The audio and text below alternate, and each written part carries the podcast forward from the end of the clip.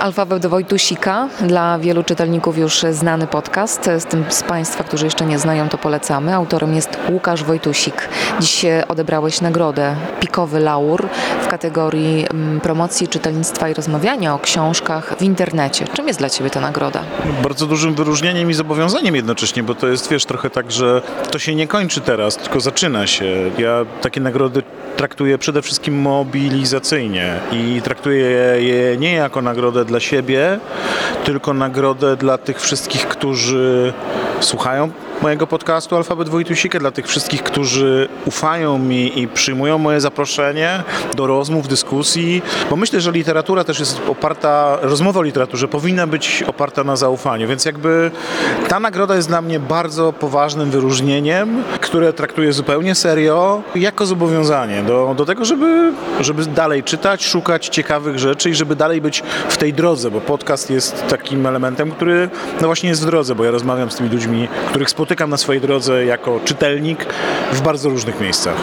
Przygotowujesz tę rozmowę od trzech lat. Podcast tyle istnieje. Robisz to bardzo regularnie. Obserwuję Cię trochę, mam okazję obserwować Cię trochę z boku. Widzę, ile pracy to kosztuje, ile zachodu, ile czasami nieprzespanych nocy, czytania po kątach, w podróży, e, gdzieś e, na ławce, pod ścianą, wszędzie, gdzie masz czas. Czy masz czasem takie momenty, że masz dość, żebyś chciał to rzucić i powiedzieć, już nie mam siły? Czy to jest wręcz przeciwnie, z każdym miesiącem, z każdym rokiem, z każdą rozmową nakręcasz się coraz bardziej? Z tym podcastem to jest jak z radiem, wiesz, to jest pewien rodzaj y, zobowiązania i takiej miłości, że wydaje ci się, że wstajesz rano, tak jak ja poranek prowadzę z dużą przyjemnością i, i na tych 10 sekund, kiedy za chwilę wiesz, że zaświeci się ta czerwona lampka, znikają wszystkie te historie w stylu jestem niewyspany, wczoraj musiałem iść na materiał, miałem dużo do przeczytania, e, jeszcze przed porankiem montowałem jakąś rzecz, nie wiem, e, słabiej się czuję. Nagle zaświeca się, świeci się lampka, wiesz, że ona to się zaświeci za 10 sekund i wiesz, że to jest ten moment, znaczy, że to jest to jeden do jednego. Ja bardzo często przed rozmową z jakimś gościem, osobą, którą zapraszam do podcastu, myślę sobie, nie, to się nie uda, nie ma mowy, znaczy nie zejdziemy się, nie dogadamy się, a potem się okazuje, że włączam nagrywanie i nagle dzieje się magia i to jest super. W sensie ja ciągle wierzę w tą magię. Wiesz, to jest też taki moment, że podcast i, i radio to jest taka przestrzeń, w której i to jest chyba podobne. Ja ciągle czuję się trochę jak dzieciak, nie? Który dorosły mówi temu dzieciakowi, nie, stary, to się nie uda, bo coś, życie jest trudne. Nie, nie, nie. A, a ta wiara dziecka sprawia magię, no i to jest super. W sensie, no tak. Robisz te rozmowy trochę inaczej niż to, co się dzieje w pracy radiowej codziennej, czy, czy to są światy równoległe? Staram się to oddzielać i też jakby nie odcinać kuponów od jednego do drugiego, bo uważam, że to są jednak byty rozdzielne z bardzo wielu względów. Po prostu w podcaście mam też dużo więcej czasu. Podcast też przyciąga zupełnie innych słuchaczy. W podcaście nie mam muzyki. Jednak w RMF Classic to muzyka jest tym trzonem. My jesteśmy ludźmi, którzy no właśnie starają się o tej muzyce opowiedzieć, nie? a przy okazji zapraszają gości, a, czy tak jak ja prowadzą poranek. Ale tak naprawdę y, staram się te rzeczy oddzielać, chociaż to jest niemożliwe, bo do końca, dlatego że RMF Classic to przede wszystkim rozmowy o kulturze, o społeczeństwie w kulturze, o, o różnych fenomenach kulturowych i kulturalnych, w tym także o literaturze. To, co mi bardzo imponuje w Twoim podcaście, to to, że Ty się nie boisz krytyki, że Ty jesteś krytyczny i że zadajesz takie pytania, które są niewygodne. To było na początku takie założenie, czy to się tak wykluło w trakcie, bo zobaczyłeś, że to się tak da zrobić i jest okej? Staram się być zawsze wobec osób, z którymi pracuję i rozmawiam uczciwy.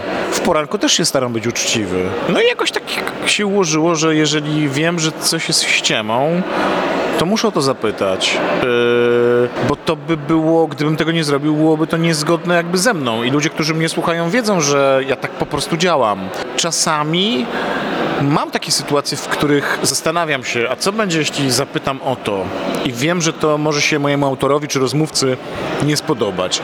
No ale z drugiej strony to jest ciekawe. No i my też, dziennikarze, od tego jesteśmy, by tam, wiesz, wsadzić ten kij w mrowisko, sprawdzić, czy jak się tam dotknie, to, to zakłuje. E, I reakcje. No bo jakby my też nie prowadzimy rozmów politycznych, tylko rozmowy o kulturze, która jest naszą wspólną działką. A ja jako czytelnik mam prawo zapytać, dlaczego tak, autor w najgorszym wypadku ma prawo mi nie odpowiedzieć, bo to jest jego, nie wiem, fantazja, jego furtka, jego działka i nie musi też się ze mną zgadzać, ale ja mam prawo do własnej interpretacji. Staram się też ludzi, którzy słuchają podcastu, do tego przekonać, że Słowacki wielkim poetą był, ale, ale mamy prawo, bo z tego śmiał się Gombrowicz, mamy prawo też y, z takim dystansem podchodzić czasem do niektórych propozycji, które proponują nam autorzy i, i myślę, że nie ma w tym nic złego i że wiesz, prawdziwa cnota krytyki się nie boi i, i myślę, że, że autorzy mają tego świadomość i autorki.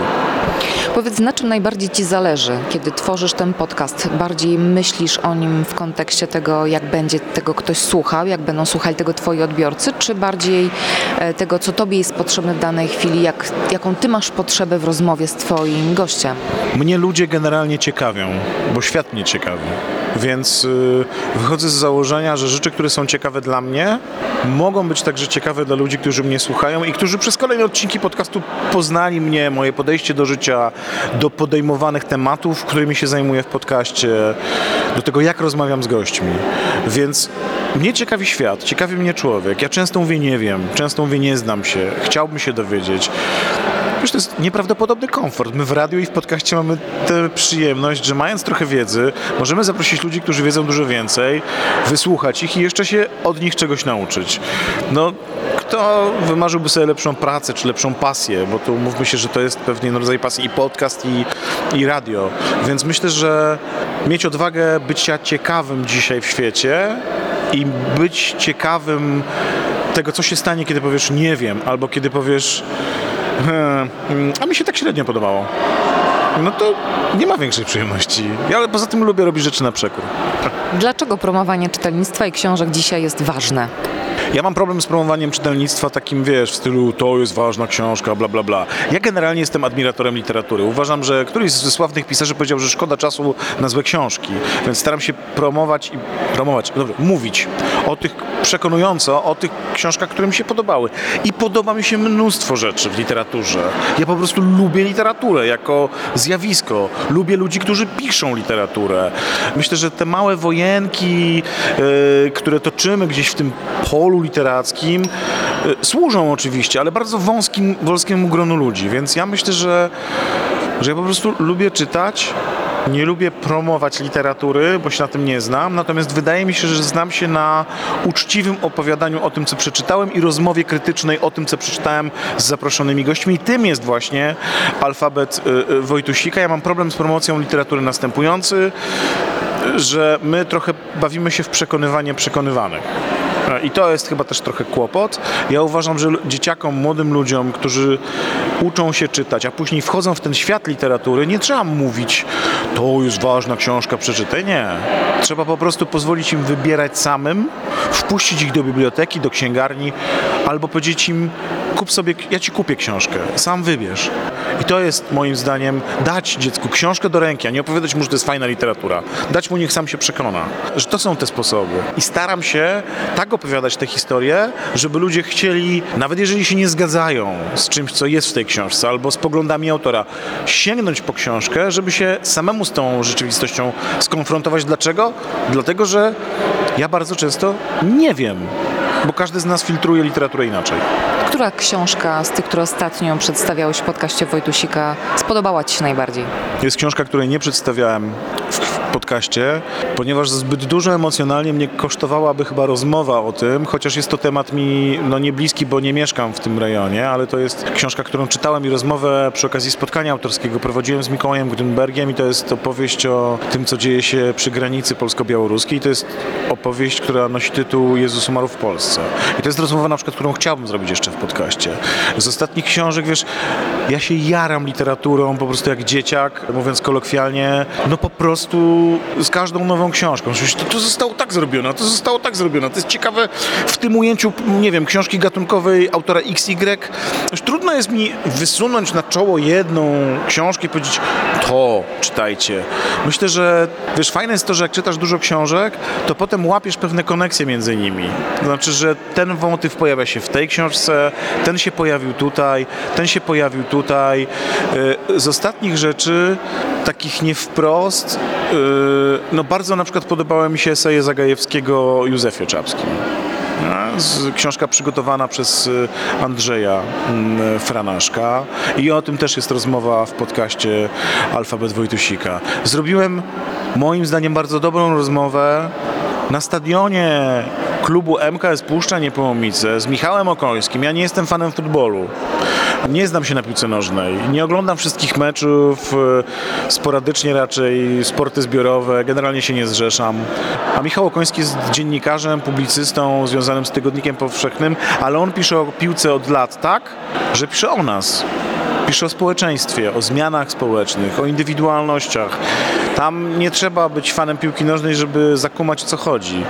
I to jest ten sposób pisania, który ja lubię i usiadłem z nim na stadionie piłkarskim ekstraklasowego klubu w Niepołomicach i odbyliśmy prawie godzinną rozmowę. No to jest fantastyczna opowieść, bo się wzruszaliśmy i, i spieraliśmy i, i ja go nie rozumiałem i on zadawał mi krytyczne pytania, a gdzieś nad tym wszystkim był jakiś wiesz, coś, czego nie da się wyrazić w, w obrazku, no, coś, co jest w dźwięku, to za to kochamy radio, za to kochamy dźwięk audio, za to ja uwielbiam podcast, że, że tam coś się dzieje między słowami, ja nie, to tak jak w literaturze, nie? Że nie zawsze trzeba napisać kocham cię, żeby z y, postawy postaci wynikało, że ona kogoś kocha. Najfajniej jest właśnie jak nie mówi kocham cię, a my o tym wiemy czytając książkę. No i tak jest trochę w podcaście. W moim podcaście mam nadzieję, że tak jest, a w tym odcinku jest na pewno. Powiedział dzisiaj na gali, że jesteś człowiekiem szczęśliwym, więc już nic nie będę ci życzyć. A tych, których zainteresowaliśmy twoim podcastem, po prostu odsyłam do tego, żeby posłuchali, bo powstało już ile odcinków? 100? 137 w momencie, kiedy rozmawiamy, co tydzień w piątek premiera, no i y, obiecuję, że zatrzymywać się nie będę. No, to jest jak radio, trzeba przyjść i zrobić swoje. Mam nadzieję, że robię to i staram się to robić najuczciwiej jak potrafię i jeżeli ktoś z Państwa uzna, że, że jeden odcinek go poniósł, to zapraszam do kolejnych, bo tak naprawdę ja to robię też, a może przede wszystkim dla osób, które chcą tego posłuchać, bo no wy jesteście dla nas, osoby słuchające, no tym wymiernikiem tego, że warto, a ja myślę, że warto.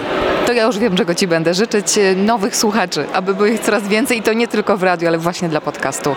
Alfabet Wojtusika, Łukasz Wojtusik, bardzo ci dziękuję. Dziękuję.